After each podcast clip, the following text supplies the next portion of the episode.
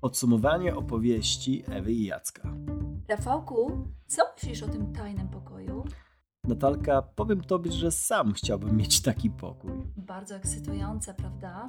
Bardzo. Pomysł z tymi kamerami i maską, wirtualny seks w maskach. Całkiem zmysłowy pomysł. Ale zobacz, ile on pracy musiał w to włożyć. To też jest miłe. Tak się narobić, nie wiedząc, czy uda mu się przekonać swoją żonę. Tak, ocieplenie, wygłuszenie, te wszystkie zabawki, drzwi balkonowe, aby jeszcze lepiej wygłuszyć piwnicę i całe pomieszczenie wyremontowane. Pomieszczenie BDSM, czyli deski na suficie, ścianach, malowanie, zabawki. Można by wymieniać w nieskończoność. Powiem tobie, Natka, że nie pomyślałam, jak chłopak się narobił, tylko że dopiął swego. A ja pomyślałam i to mnie wzruszyło. To jest zboczone, ale też i słodkie. Jego żona ma kompleksy, a on zrobił wszystko, aby je przezwyciężyła i się ich pozbyła. Tak, ale on też na tym zyskał. Zyskał czy nie zyskał, to jest dla mnie miłość. A co myślisz o tym, Jakubie? Zachował się w dżentelmen, ale o to tu chodzi. Ta trzecia osoba jest dodatkiem do seksu w większym gronie, a nie ktoś, kto ma przejąć całą imprezę, że tak powiem. No właśnie, bo jak będzie dostawał całą uwagę, to ta druga osoba w związku zostanie zraniona. Podobał mi się też ten kontrakt, który Ewa wymyśliła, bo miała to wszystko spisane na papierze. Jacek oczywiście zachował się super, cieszył się i nie dał Ewie żadnego poczucia winy po tym trójkącie, który w końcu zrealizowali. Tak, ten kontrakt był dobry dla nich obojga. Trochę jak złożenie obietnic małżeńskich. Nawet lepiej niż złożenie obietnic małżeńskich, ponieważ w obietnicach małżeńskich to nie zawsze dotrzymujesz w 100% tego, co obiecałeś i nikt nie wypomina, że to już koniec małżeństwa. Ale co masz dokładnie na myśli? Mam na myśli nowy samochód chociażby z salonu, który mi obiecałeś. Nie będę mówiła o szczegółach, bo nie o to przecież tutaj chodzi. Jest teraz taka inflacja, że żal wydawać na to pieniądze. Wiem, wiem, kochanie, żartuję tylko, ale ludzie obiecują sobie wiele i jeśli nie zostanie to spełnione, to z reguły nie ma większego wpływu na ich związek. Ale w tym przypadku pisemna umowa warunkuje wszystko. Nie podpiszesz jej, to zapomnij o dalszej zabawie. Tak. To był dobry pomysł. Gdyby jej powiedział, że go zraniła, zresztą na jego własne życzenie, to mogłaby niejedno przypomnieć, co było spisane na kontrakcie. No właśnie, wróćmy do tych pytań w kontrakcie, bo były naprawdę przemyślane. Pierwsze pytanie: czy będziesz mnie nadal kochał? Myślę, że te pytanie zadaje sobie każda kobieta, która ma zgodzić się na trójkąt.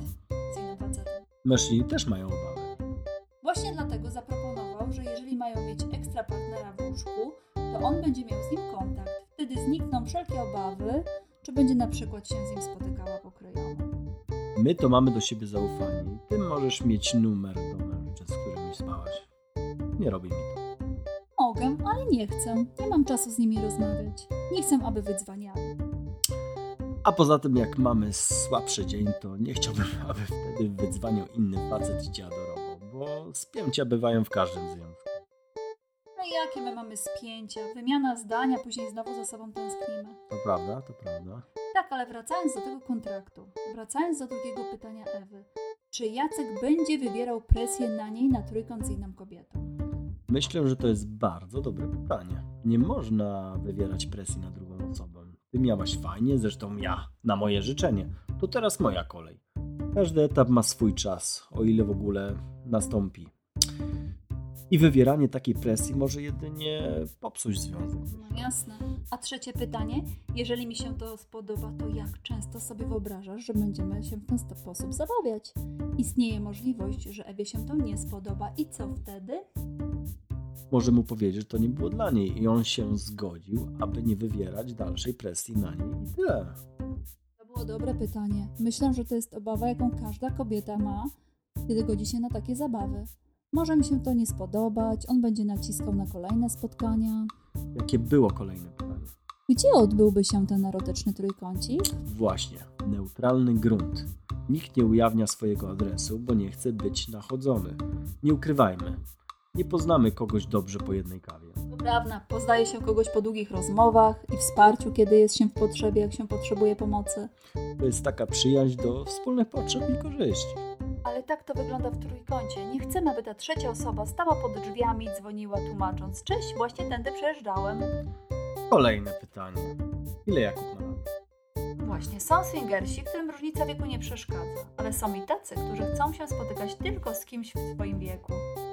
Osobiście wolę mężczyzn w naszym wieku, ponieważ są bardziej ułożeni i dojrzali.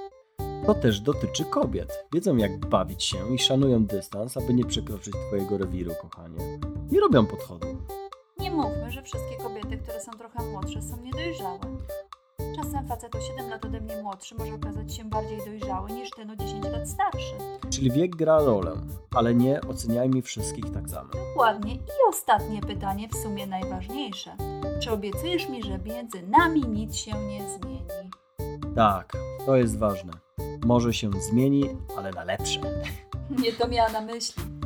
Wiem, wiem, to jest ważne, aby się tulić tyle samo, szanować i tak dalej.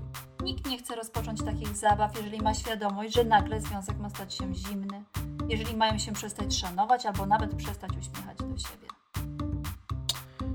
Tak, to prawda. Tak nie może być. Wtedy zaczyna się początek lawiny. Trzeba szybko usiąść, wspólnie rozstrzygnąć, co komu leży na sercu. Jacek zachował się wspaniale po tym trójkącie. Dał Ewie poczucie bezpieczeństwa, uwagę i nic się nie zmieniło. Tak, tylko jedno. Cholernie mu się to spodobało. No w końcu marzył o tym tyle czasu i nie wywierał na Ewie presji.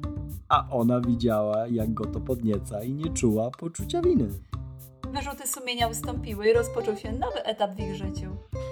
Dziwne by było, gdyby zrobił jej scenę zazdrości, jak on marzył o tym 20 lat. Tak, raczej mało prawdopodobne, ale w życiu różnie bywa. Przy staraniach i pracach remontowych, które wykonał, Tak jak mówię, raczej mało prawdopodobne. myślę, że będziemy już kończyć na dziś. Tak, moi drodzy słuchacze, piszcie kontrakty, jest to zawsze jakaś forma zabezpieczenia. Tak. Tak na przykład, mamo, ona mnie zdradza. A ona na to, niech mama zobaczy, do czego on mnie zmuszał, pod czym się podpisał. Dobre. Dobra, dobra. Moi drodzy słuchacze, śledźcie nasze kolejne podcasty. Pozdrawiamy! Pozdrawiamy.